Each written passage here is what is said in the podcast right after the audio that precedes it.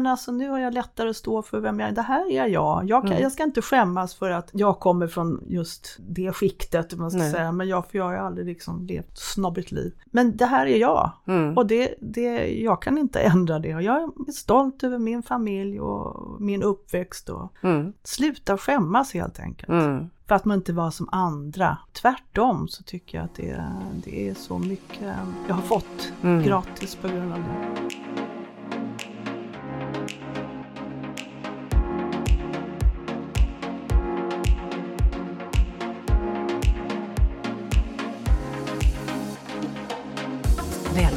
Till Inte bara kläder, en podd om klädstil och identitet, där kända eller okända gäster får svara på varför de klär sig som de gör.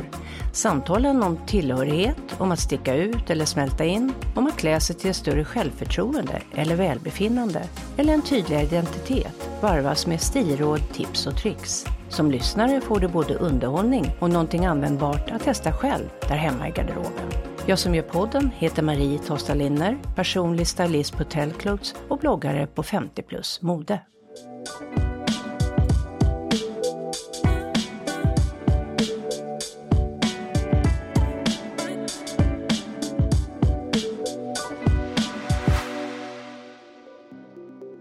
Gäst i poddens fjärde avsnitt är Madeleine Lagerkrans, född 61. Hon jobbar i ett jämställdhetsprojekt där hon skriver för ett nyhetsbrev, producerar poddar. Att höra till den adliga släkten Lagerkrans smällde inte särskilt högt bland skolkompisar och fria teatergrupper i 70-talets vänsterorienterade Sverige. Den som det såg snobbiga bakgrunden blev något som Madeleine kom att skämmas för när solidaritet och lika chanser för alla dominerade i samhället.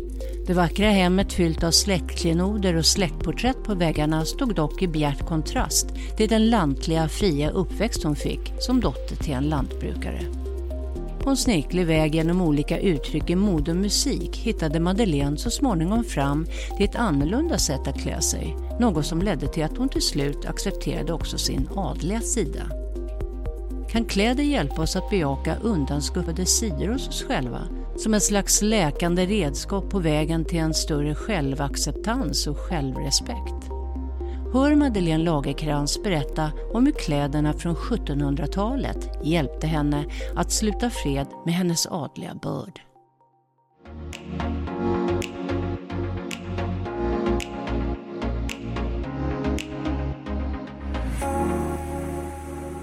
Så vad har du på dig, Madeleine Lagerkrans? Kan du beskriva? Det är jeans, tajta jeans och sen har jag en skjorta som faktiskt är en herrskjorta från början. Men jag fastnade för det lilla blommönstret, lite, lite blåa små blommor. Och sen har jag rejäla boots på fötterna. Mm. Inget märkvärdigare än så. Okej, hur känner du i kläderna? Jo men det, kän- det är viktigt för mig att jag är bekväm och känner mig avslappnad. Och det här är ju vardagskläder då naturligtvis. Ska inte sitta åt någonstans och vara lite vidd, speciellt runt maggen. Ja, så att det, ja, så jag känner mig väl ganska lätt och ledig idag tror jag. Härligt. Om vi tänker tillbaka lite granna och försöker se din livsresa, din stilresa. Då skulle jag vilja veta lite grann var du kommer ifrån. Vad har du för bakgrund? Jag är uppvuxen på landet. Pappa var jordbrukare, mamma var Stockholmstjej. Eh, De gifte sig 1960 och sen kom jag året därpå. Mm. Jag har fyra syskon och jag flyttade hemifrån och upp till storstan 1980 direkt efter studenten. Mm. Så du är uppväxt på landet. Mm. Ja. Eh, Släkten Lagerkrans är ju adlig. Ja. Och du hör ju till en gren Mm. av den släkten. Eh, och då tänker jag så här, då har du ju den delen också. Vi, vem kommer det ifrån i din familj? ja, det är pappas namn. Det är pappas Ja. namn. Så han är uppväxt i den adliga världen så att säga. Ja, det får jag säga att eh, det var han ju. Han, levde ett riktigt, vad ska man säga, societetsliv. Okej. Eh, mina farföräldrar umgicks med eh, kungens pappa och det var verkligen high society. Sen gick ju han på internatskola nästan hela sitt liv, stackarn. Ja. Alltså, ja, från nio års ålder till han tog studenten så gick han på Lundsbergs Mm. ryktbara eh, internatskola i Okej. Värmland, så han var ju bara hemma på lov. Men det var mycket fina middagar, mycket jakter och liksom de hade ofta gäster och ett stort hem. Var var det någonstans? Det var i Östergötland, en gård som låg utanför um, Loftahammar heter orten. Mhm. En stor gård där. Det fanns djur också men framförallt marker, jaktmarker och så.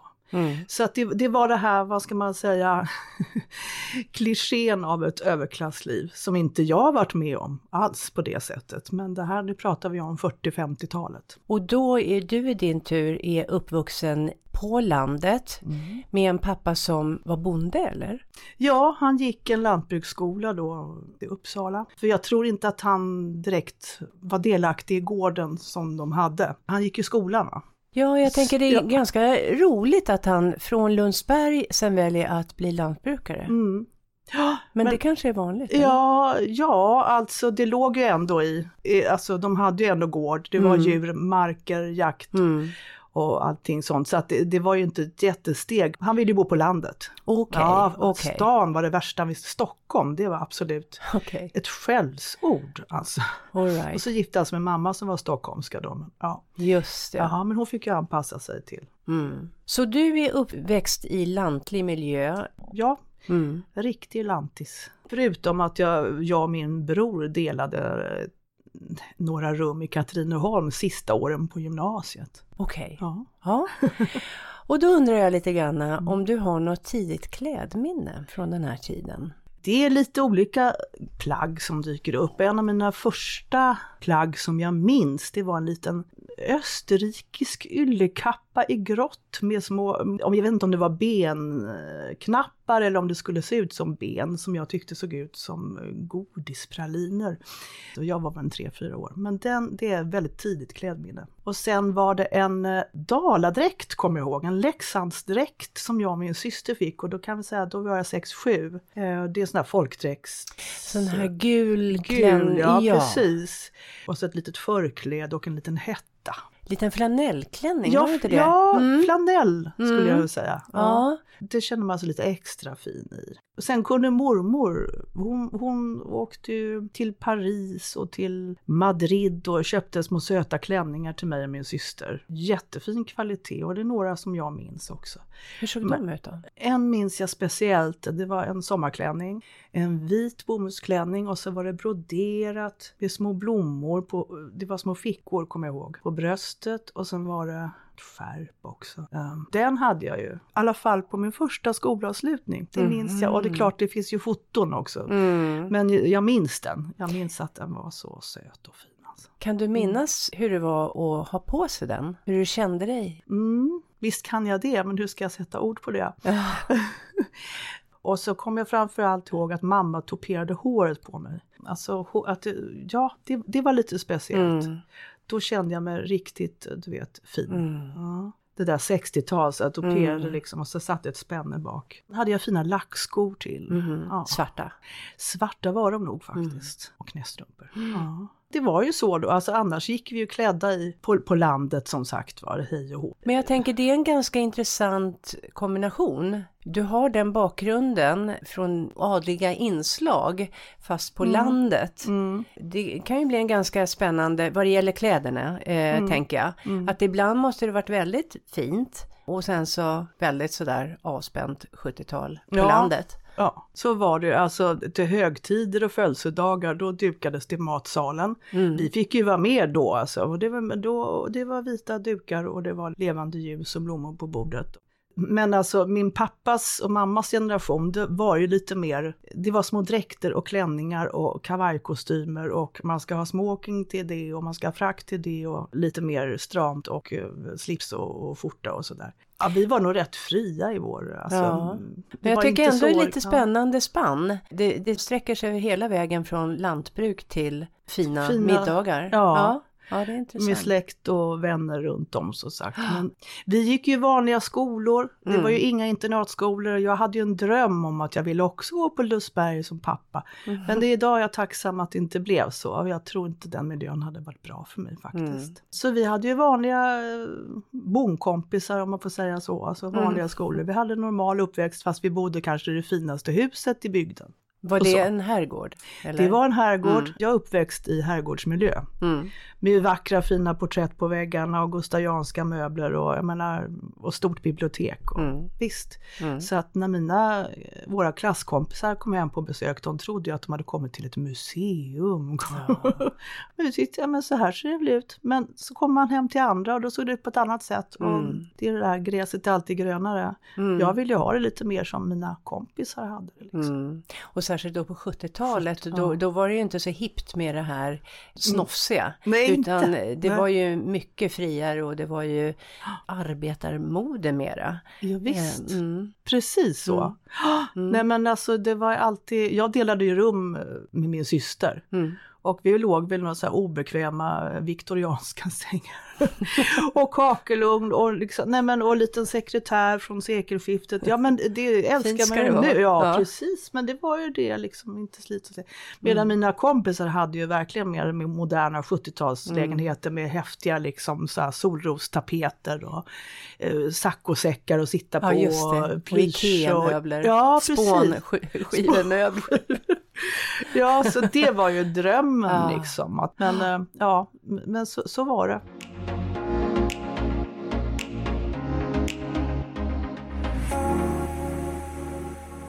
När du blev tonåring då? Har du några minnen från vad du hade på dig? Ja, nej men jag prövade lite olika stilar som man gör i den åldern. Mitten på sjuan flyttade vi och det var liksom ett annat mode i den skolan. Och så kom man till den här högstadieskolan i Katrineholm där det var liksom verkligen den hårda, tuffa stilen. Läderjackor, jeansjackor, puss och kram jeans. Mm alla ballar stod i rökrutan. Det Hur gjorde ju aldrig du jag. Dig Men då? jag klädde mig ju då inte inte så där som, som de som man eh, beundrade och med sitt fönade luggar och allting. Mm -hmm. Ja, alltså det var ju, just de där första tonåren var ju, jag ser på bilder nu att jag var inte så himla fel och udda ändå. Det var ju typiska 70-talskläder, kanske inte märkes, jag hade aldrig några puss och kramjeans. Det är jättetråkigt. Och jag hade inga, vad var det mer man skulle ha? Näbbstövlar, snickarbyxor. Mm. Alltså nej, tyvärr hade jag aldrig någonting av det det. var lite, jag tyckte om randiga tröjor och, och manchesterjeans hade jag mycket. Sen prövade jag liksom lite olika stilar, lite punk, lite mods, fast det liksom inte fullt ut. Men alltså jag försökte tuffa till mig lite grann. Mm. Och jag gillar den där lite 60-talsstilen väldigt. Där. Så mods-stilen det är ju 60-talsstil. Mm. Det kom ju en film då som heter Quadrofinia Okay. Som, mm. som jag blev väldigt inspirerad av. Men nu pratar vi nog om 78 eller någonting sånt där. Ja, och hur klädde de sig där? Ja, den utspelar sig ju på eh, tidigt 60-tal. Mm. Men den var ju gjord då, det var väl då 78 den kom. Så det var ju um, parkas, stora mm. parkasar, mm. lite överdimensionerade. Mm. Så alla körde vespa och så var det smala, smala jeans och så mm. var det loafers. Och det mm. köpte jag, smala, smala jeans och loafers, det kommer jag ihåg att jag hade. Uh, och så hade jag väl någon skjorta, vit skjorta. Alltså ganska enkel, klassisk 60-tals. Vad lyssnar du på för musik? Mina första plattor kommer jag ihåg som jag köpte var väl i 13-14 års ålder. Då lyssnade jag mycket på Sweet. Det glamrock-stilen okay. sådär väl kan man säga. Mm. Sweet var en stor idol. Sen uh, Supertramp lyssnade jag på. 10cc. Men sen då när punken kom, det blev mm. en vändpunkt. Det var då jag började lyssna på lite hårdare musik.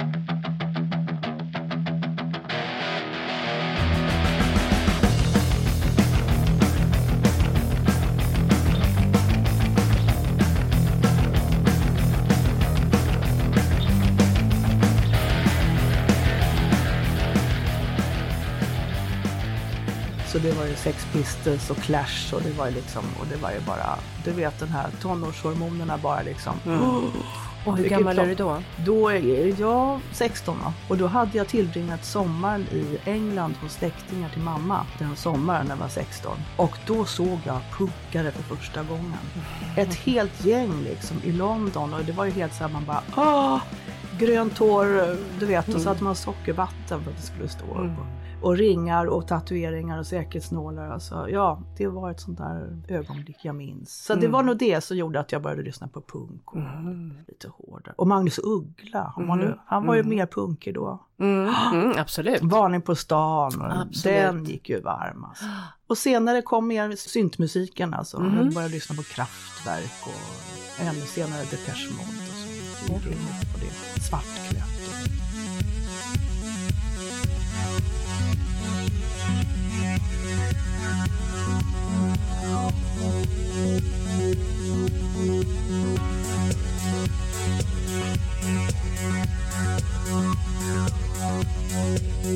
jag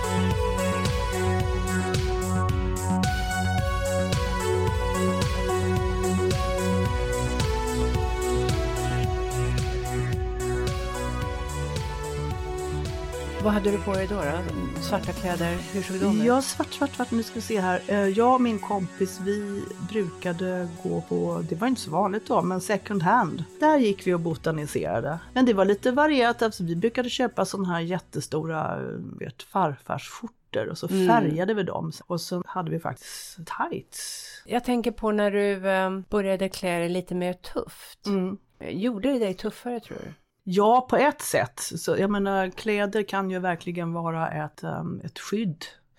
Man döljer sitt väldigt osäkra, sårbara inre genom att klä sig tufft, kompensera på det sättet. Så eh, visst kunde jag tillfälligt liksom känna mig lite starkare och tuffare.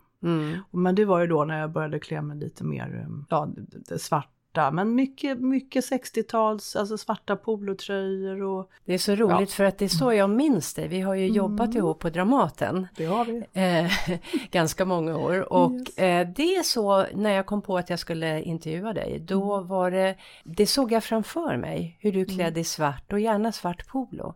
Så det måste du ha haft ganska ofta då. Det hade jag. Och second hand var ju någonting som jag, jag fortsatte med sen när jag flyttade upp hit. Um, det var det också lite, ja, lite influerat på det 50 och 60-tal. Men sen som sagt, ju mer syntare jag blev, den, höll, den stilen höll jag ju fast vid och gör väl delvis fortfarande. Enkelt, svart, avs, avsmarat. Jättekorta kjolar hade jag ju. Svarta brallor och sen hade jag då svarta nylonstrumpor, svarta skor. Typ ballerinaskor. Och mm, ja, vit, gärna second hand blus. Alltså man hittade så mycket fint sånt då. Så det var en blandning mellan just sådana fynd och um, alltså sånt som man hittade på H&M och sådana liknande affärer. Alltså. Eftersom jag hade dåligt med pengar då som nu så var det liksom inte fråga om uh, några uh, exklusiva köp. Men man på något sätt fick ihop det. Så det är väl på något sätt det har varit trogen tycker jag. Lite den stilen. Jag har blandat second hand. mm, det var där du landade kan man säga Ja, man, Mm. ja precis, landade. Ja, så har det varit. Ja, det, det, ja, jag ser det där lite beatnik. Väldigt enkelt 60-tal, alltså beatnik i, i Paris, sådär svarta polos och Men jag förstår vad du menar. Jo, men det var väl lite idealet och lite kajal och lite sådär.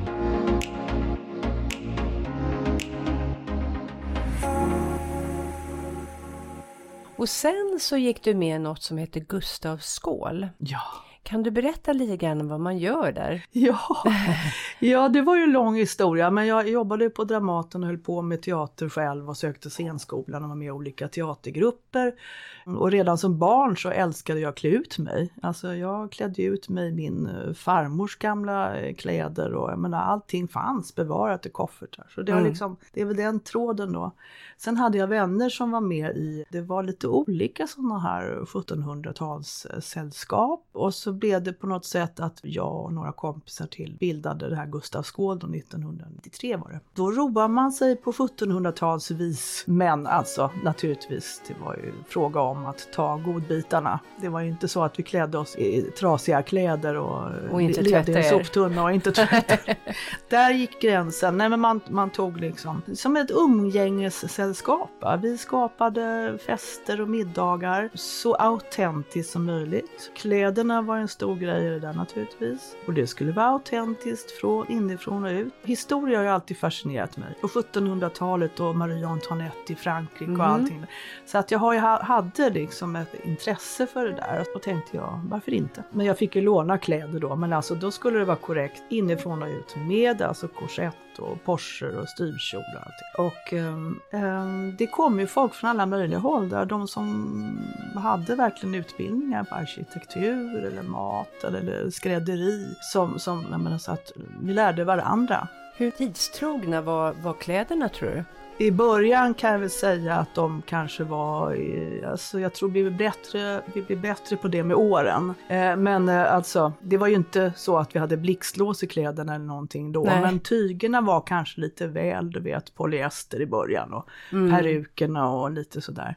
Mm. Men eh, all vår strävan, det är mer och mer. Nu är jag kanske, jag är inte aktiv längre utan jag är kanske mer Nej. någon gång om året. Mm. Och jag ser ju ändå skillnad. Folk är oerhört petiga med att det ska vara ända, och det ska helst vara riktigt hår i perukerna och det ska Jaha. vara så autentiskt det går men, eh, men, men det får ju inte bli tråkigt heller. Det får inte vara så att folk, att man inte vågar komma på våra fester. Liksom. Nej, nej precis. Mm. Eh, och, och kan du beskriva de kläderna? Hur, det var i slutet av 1700-talet va? Just det, alltså det inriktar sig på Gustav IIIs regeringstid. Och det var alltså mellan 1772 och 1792 när han mördades på Mm. Operan. Så det är det sena 1700-talet och det är då kläderna från den eran. Så det var ju inte de här allra mest eh, rokoko, jättevida styvkjolar och små pudrade huvuden. Och, utan det här var ju det, det lite mer mm, det franska modet. Kan du beskriva det, hur det ser ut Ja. jämförelsevis med de här lite mera ryschiga? Små herdinnor, ja, Ja. mycket rysch, mycket blommor, mycket, ja det var lite... Just det, väldigt mycket, mycket- pastelligt. Pastell, Mm. precis. och det är inte det som... Nej, då hade man inte peruker egentligen i början. Eh, men Man hade falska lockar och sådär kanske. Men alltså det var det små, små frisyrer Mm. och vida, vida klänningar.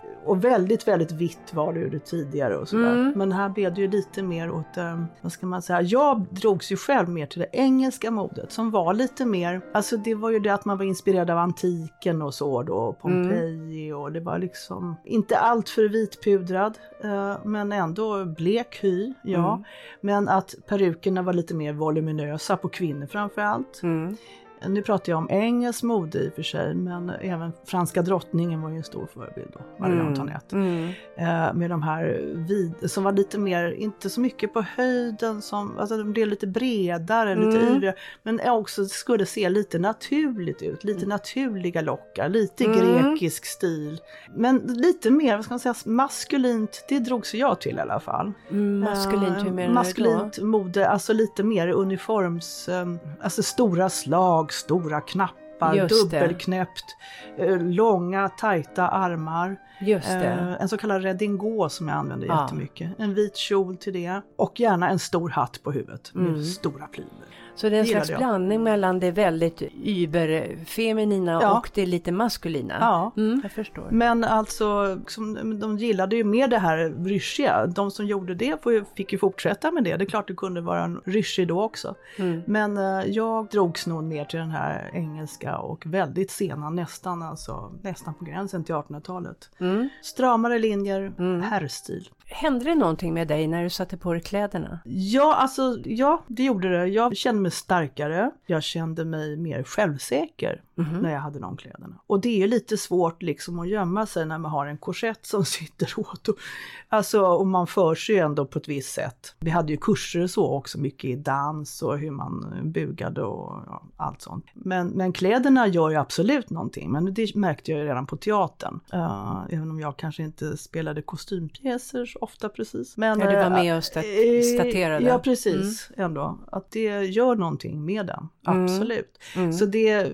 så undrar varför ska man klä ut sig? Jo, men det var ju ändå ett sätt att komma ännu närmare den tiden eftersom Mm. vi var, då strävade efter autenticitet. Att verkligen känna hur det kändes att ha peruker och puder och korsett. He, hela kittet så att säga. Mm. Det gör någonting med en. Mm. Ja, man tar ju verkligen plats som du säger. Jag tänker, pratar man på ett annat sätt? Rör man sig på ett annat sätt i sådana kläder eller? Ja, det är inte de här stora kliven direkt. Nej. Man rör sig långsammare, mer värdigt, håller inte på att gestikulera med armarna mer än nödvändigt. Alltså Mhm. avmätta, eh, sparsmakade rörelser. Mhm. Och talet blir ju lite mer långsamt och lite mer vårdat. Även om vi liksom inte spelade en det var ingen live vi höll på med. Nej, nej. Utan vi skulle vara oss själva fast i 1700-talstappning. Men, man, eh, men ändå hålla en viss nivå Mm. på språkbruket och kanske inte prata om vädret och Rapport och senaste. nej. Utan hålla det lite. Och så hade man ju solfjäder. Men solfjäder kan man ju också prata. Och hur pratar man då?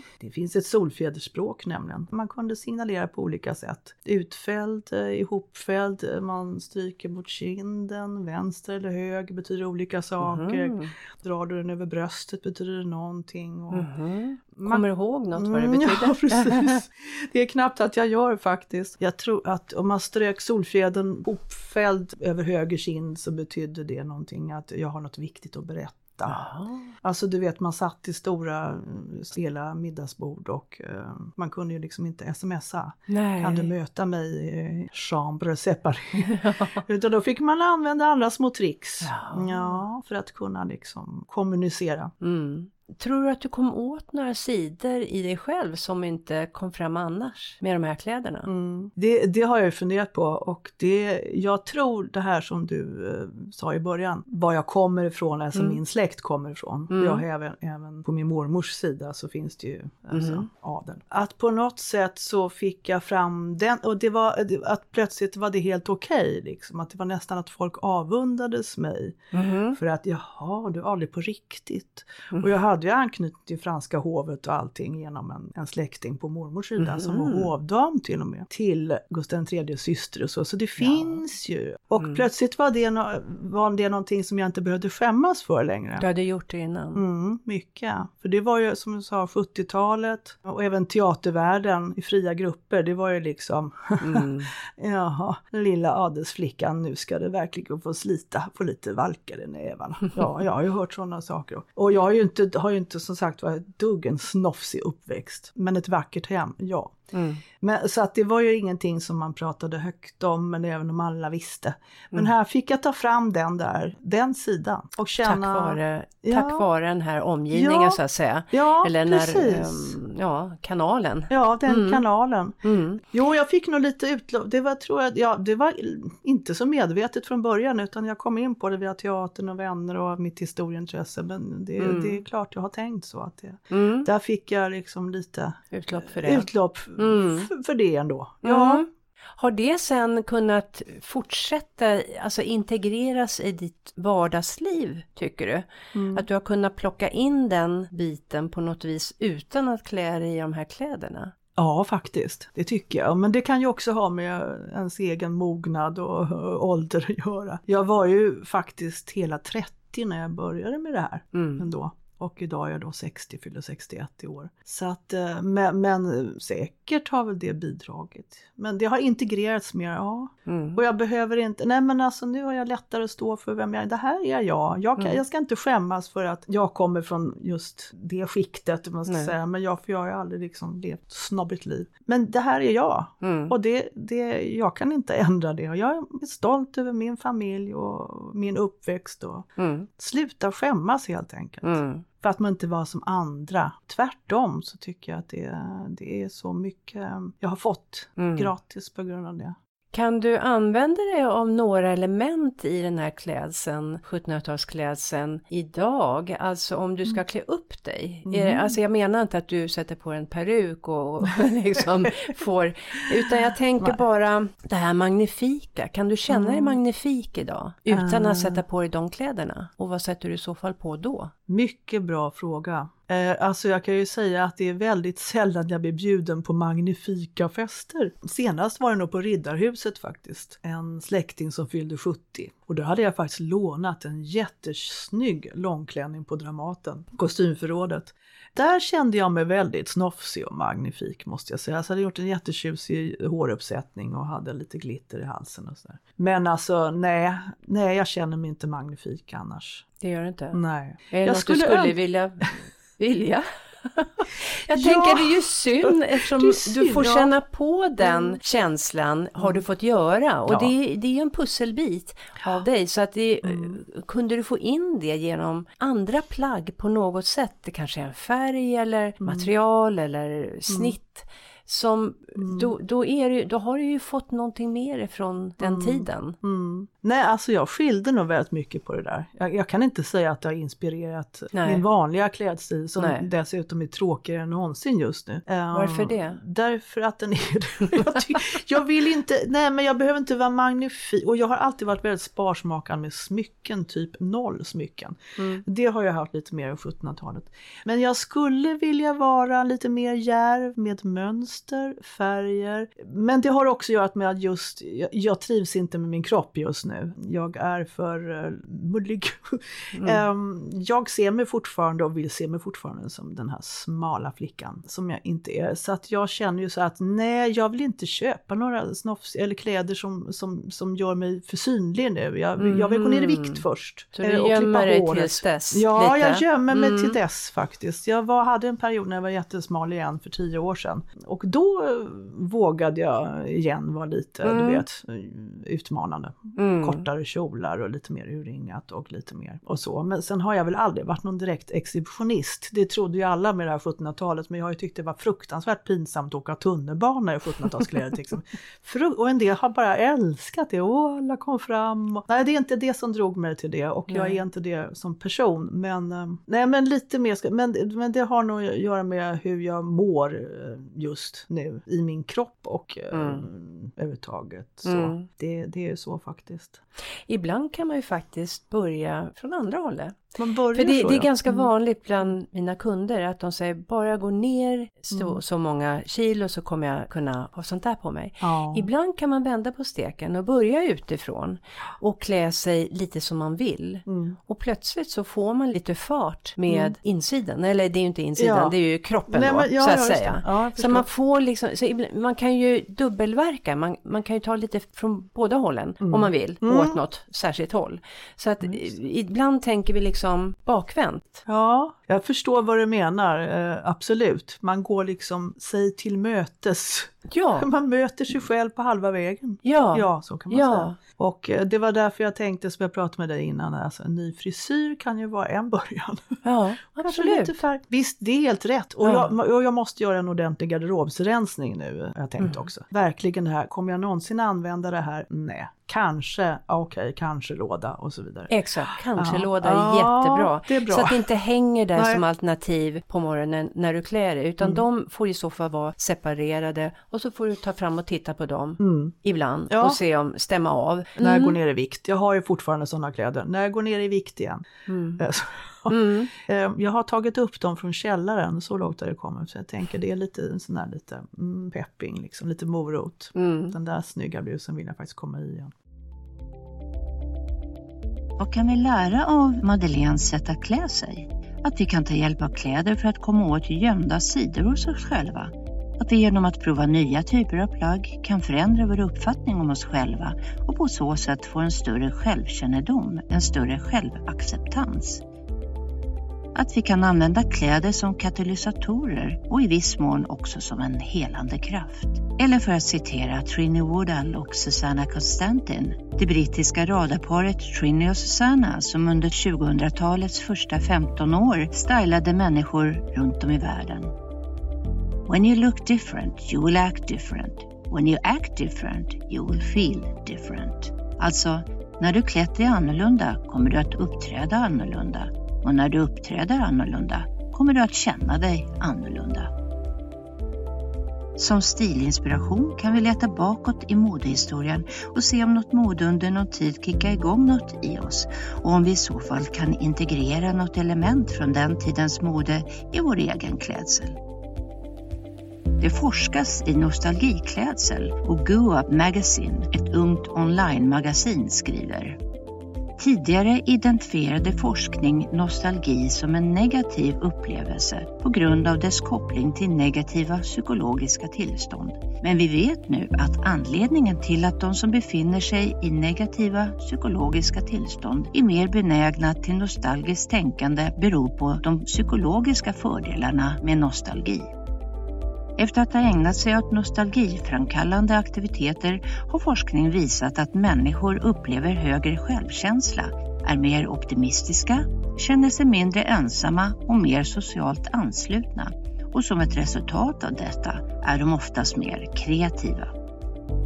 Denna framkallande positivitet, som alltså främjar kreativiteten, kan vara en av anledningarna till varför modeälskare, designers och kreatörer ofta ser tillbaka för att gå framåt.